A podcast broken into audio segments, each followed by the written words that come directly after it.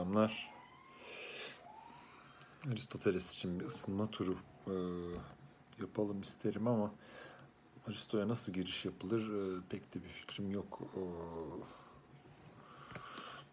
zaten e, Aristo'ya bir giriş yapmayı bence e, hedeflemeyelim e, diye düşünüyorum. Aristoteles ile ilgili bazı genel şeylerden söz edeceğim. Platon'la ilişkisi e, ile başlayacağım. Yani bugünkü oturum biraz onunla ilgili olabilir. E, elimde bazı notlar var. Bakalım nereye gidiyoruz. E, bugüne kadar, e, bugün e, yani şimdiye kadar yaptığım kayıtlarda Aristoteles'e ilişkin birkaç şey zaten söyledim. Bir tanesi Aristoteles'in akademide, akademiyada, e, Platon'un kurduğu e, Atina'daki e, okulda uzun süre geçirdiğini zaten biliyoruz. Bu doğru. Ee, orada ama yaptığı çalışmaların neler olabileceği konusunda Carlo Natali'nin kitabını daha önce önermiştim. Gene onu önereyim.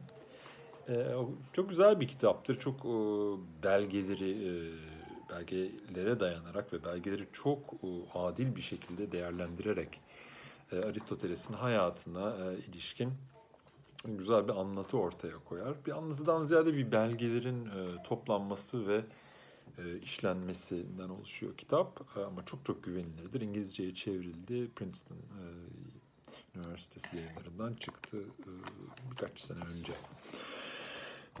Orada Carlo Natali'nin eski e, çağdan kalma, antik çağdan kalma belgelerden hareketle ortaya koyduğu birkaç tane şey var. Onlardan birazcık bahsederek bu ısınma turunu yapalım. Aristoteles hakkındaki dedikodulardan söz edelim. Bu e, zaten bizim e, ana konumuz e, akıl iletişim meselesiyle de bağlantılı. İletişimde e, esas olan içeriğin bir tarafa bırakılıp e, hakikat meselesinin, hakikat arayışının, hakikate ilişkin iddiaların ve tartışmaların bir tarafa bırakılıp kişilerin ön plana çıkması, e, eşitliğin adeta bırakılıp eşit olan şeylere e, bakılması e, imkan dahilindedir. Hatta bir tür zorunluluktur e, demiştik. Başka bir deyişle buhar olan e, ince kaçıcı, e, esprili, e, e, ruhani, manevi e, e, olan şey e, katılaşır e, zaman içerisinde. Onu yeniden e, kurtarmak, e, yeniden onun esprisine, künhüne varmak gerekir e, demiştik. E, Aristoteles hakkındaki e, söylentiler ve dedikodularda bunun örneği. E, Carlo Natali'nin kitabında Aristoteles hakkında ortaya atılan e, birkaç tane dedikoduya çok kısaca değineyim. E, miras yedi olduğu, e, sübyancı olduğu, e, torbacı olduğu e, mesela iddia edilmiş tarihin belli dönemlerinde ki bu, bu çok yeni dönemlerde değil bayağı e, eskiye dayanan kaynaklarda bile bunlar var. Bunların doğru olduğunu inanmak için e, elimizde e, hiçbir sebep yok. Dolayısıyla bunların söylenti olduğunu kabul etmek durumundayız. Onu ayrıca da tartışabiliriz. Yani neden acaba Aristoteles'in torbacı e, e, olduğunu düşünmüyoruz. E, o konuya da girebiliriz.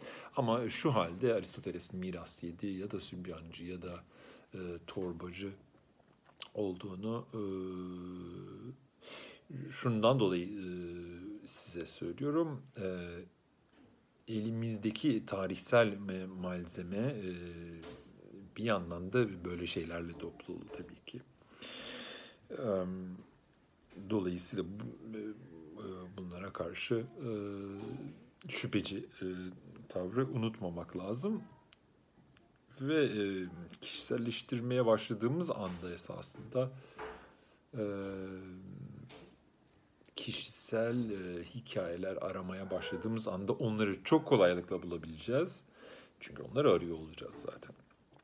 E, oysa Aristoteles'in e, metinlerine dönecek olursak buradaki e, yöntemim gene aynı.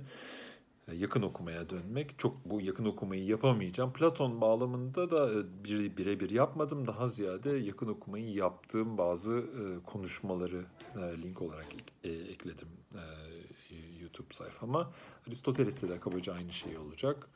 Şimdiden De Anima yani Aristoteles'in ruh üzerine başlıklı benim de çevirmenlerinden biri olduğum, üzerine çok senelerce çalıştığım bir metine ilişkin bir e, bölüm bölüm e, yakın okuma içeren bir video zaten var. Üç bölümlü bir şey. E, Aristoteles'e ilişkin bir e, imajı zaten biz daha önce görmüştük. E, Akademiya'da Aristoteles e, ayın e, Mars'ın altından, Mars'ın önünden e, geçtiğine ilişkin bir pasajına gönderme yapmıştım. Gökyüzü üzerine de var olan bir pasaj. Bu gençliğinde e, bu gözlemi yaptığını biz bugün e, hesaplayabiliyoruz.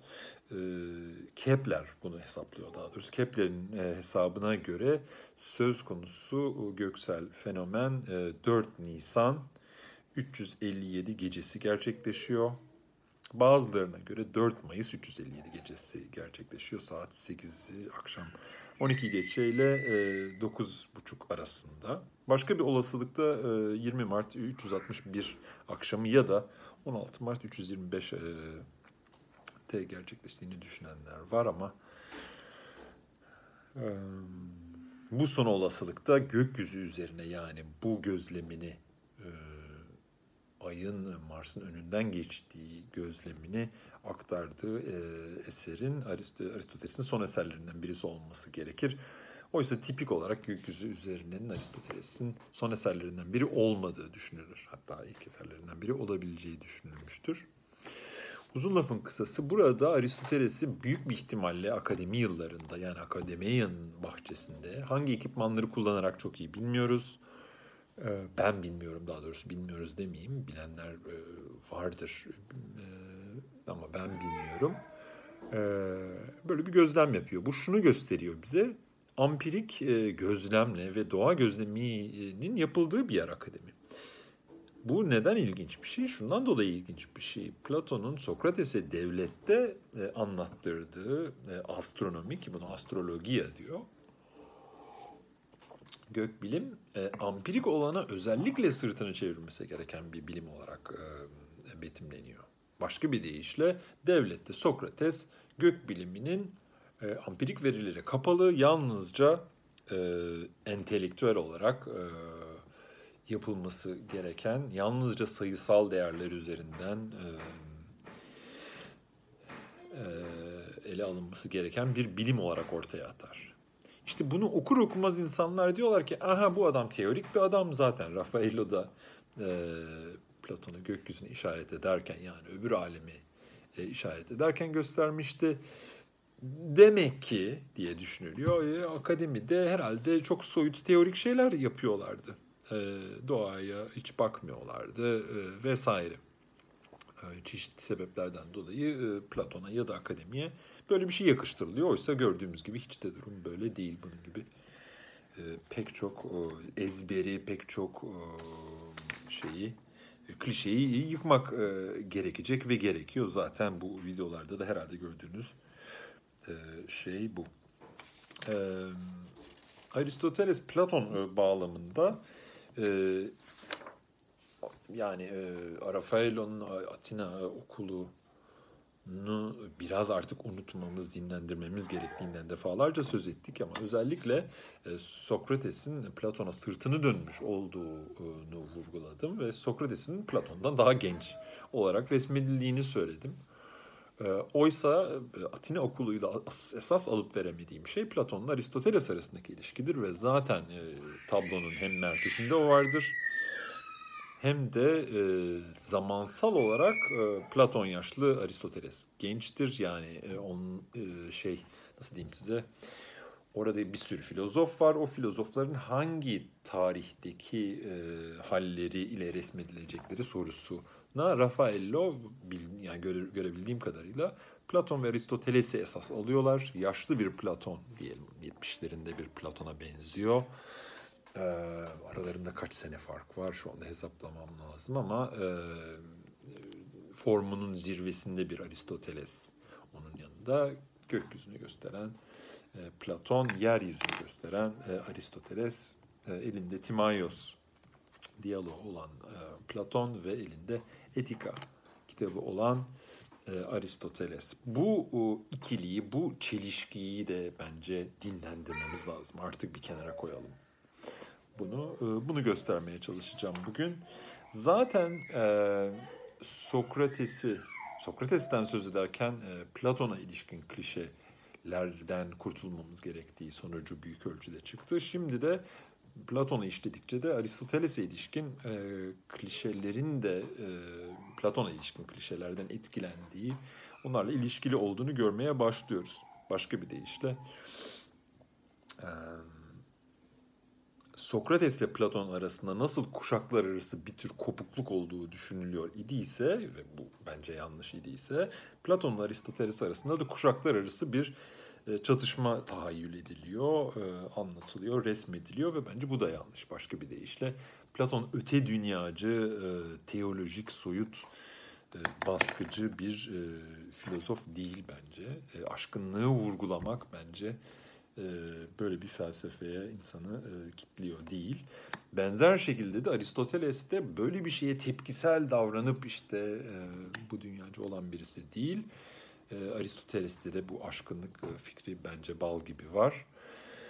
Başka bir deyişle Platon Aristoteles düşünüldüğünden çok daha yakın iki filozof bana kalırsa. Aralarında bir didişme varsa, bir karşıtlık varsa bile bunun birincil bir mesele değil, ikincil bir mesele olduğunu düşünüyorum. Bir tür aile içi, okul içi bir e, anlaşmazlık e, ve zaten o okul içerisinde, akademiya içerisinde zaten e, alışık olunan Aristoteles'in kuracağı Likeion'da da e, insanların alışkanlık haline getireceği bir çatışma e, türü. Baş, ve daha da önemlisi Platon ve Aristoteles arasındaki çatışma bu kadar vurgulandığı zaman Platon ve Aristoteles'in aynı cephede oldukları bir mücadele tabii savaş metaforunu kullanmak doğruysa esas mücadeleleri ikinci plana düşmüş oluyor. Oysa Platon, Aristoteles ve Sok- e, Sokrates bana kalırsa ortak bir cephe oluşturuyor. Dolayısıyla Aristoteles ve Platon'un e, ne kadar uyumlu olduklarına ilişkin bazı şeyler söyleyerek gene ben kendi e, zıpçıktılığımı yapacağım. E, ama dediğim gibi bir zıpçıklık olduğu için değil, e, belgelere dayanarak tabii ki bunu yapacağım. Hemen şununla başlayayım. E, Aristoteles'ten kalma, Apollodoros'tan yanılmıyorsam kalma bir Platon övgüsü şiiri var. Olimpiyodoros'ta pardon. Apollodoros değil, Olimpiyodoros'ta. E, Aristoteles e, Platon için şunu söylüyor. Öyle bir adamdır ki bu kötüler onu övmemeli bile. Ölümlüler arasında tek başına ve ilk kez o açıkça gösterdi. Gündelik yaşayışıyla olsun, konuşma biçimiyle olsun bir adamın iyi olmasıyla mutlu olması tek çırpıda olur. Ama bugün bunları kavrayacak insan nerede? Alıntının sonu. Aristoteles'in Platon hakkında söylediği bir şey. Bunu vurgulamamın bir sebebi de şu. E, Aristoteles'in hayatı e, işlenirken e, bütün bu klişeler nasıl diyeyim çığ gibi büyüyerek, e, kendi üstüne katlanarak ve e, belli bir momentum kazanarak bizi şu noktaya getiriyor. Öldüğü yıl e, Platon'un Aristoteles'in Atina'dan ayrıldığı yıl. Oysa yani burada bu arayı insanlar nasıl dolduruyor? Her zaman söylenen şey şu. Aristoteles Platon'un akademiyasının başına geçmek istiyor. Ama Platon öldüğü zaman akademiyayı Aristoteles'e bırakmıyor. Kendi e, yeğeni e, olan Speusipos'a bırakıyor. Aristoteles e, hayal dev bir hayal kırıklığına uğruyor ve e, son derece e, küsüyor e, ve kapısını vurup e, Atina'dan e, ayrılıyor. Bu hikaye bana işte inandırıcı gelmiyor. Bu hikaye yani bu hikaye e, Aristoteles Platon açısından e, bence olasılık e, dışında gözükmesinin yanı sıra şundan dolayı da benim şüphemi özellikle çekiyor. Burada anlatılan hikaye bize benziyor. Burada anlatılan hikaye e, akademik kadro bekleyen, e, hocasının e, işte e, peşinden ayrılmayan, e, onun yazacağı mektuplar onun e, şeyi için e, onun avucuna bakan e, öğrencileri ve son derece bence sakat koşullarda, kötü koşullarda yanlış şekillerde asistanlık yapan, öğrencilik yapan, genç akademisyenlik kariyerini sürdüren insanların halini andırıyor bana. O kadar benziyor ki e, sonunda da e, kadroyu bana vereceğine kendi yeğenine verdi deyip çekip giden ve kendi okulunu kuran bir Aristoteles'ten söz ediyoruz. Bu bana çok naif gözüküyor. Naif olmanın da ötesinde bu bize birazcık fazla benziyor.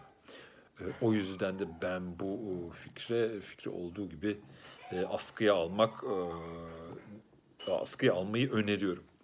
O yüzden de Aristoteles'in Platon'a yazdığı bu övgü den söz ettim. Galiba dili geçmiş zamanlı kullanıyor. Tam hatırlamıyorum. Yunanca metin de önümde değil ama auristum ya da perfectum herhalde kullanıyor. Bunu şunun için söylüyorum.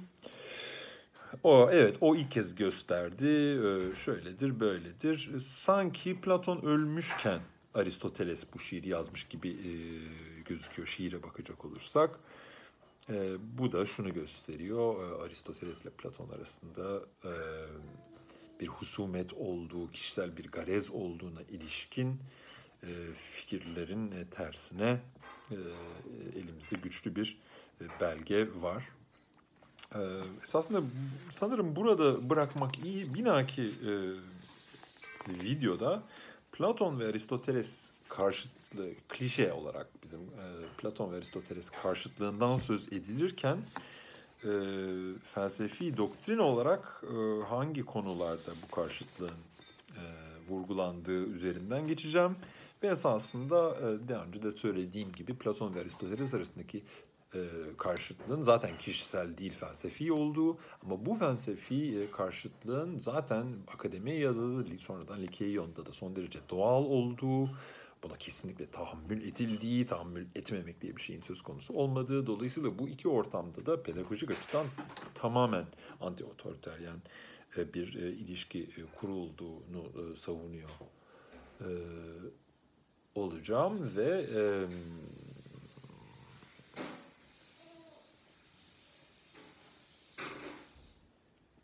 Aristoteles ve Platon arasındaki felsefi ayrımın ve felsefi karşıtlığın bile vurgulanmasının ilk etapta kafa karıştırıcı ve yanlış bir yol olduğunu e, söyleyeceğim. İlla bir cepheleşmeden söz etmek gerekiyorsa Platon ve Aristoteles arasında değil, Sokrates, Platon, Aristoteles'in aynı cephede bulunduğu ve karşı cephesinde görece skeptiklerin, skeptik oldukları ölçüde, ölçüde e, sofistlerin, e, tragedya yazarlarının, e, atomcuların e, bulunması e, gerektiğini e, ileri süreceğim. Şimdilik e, böyle e, kalsın derim.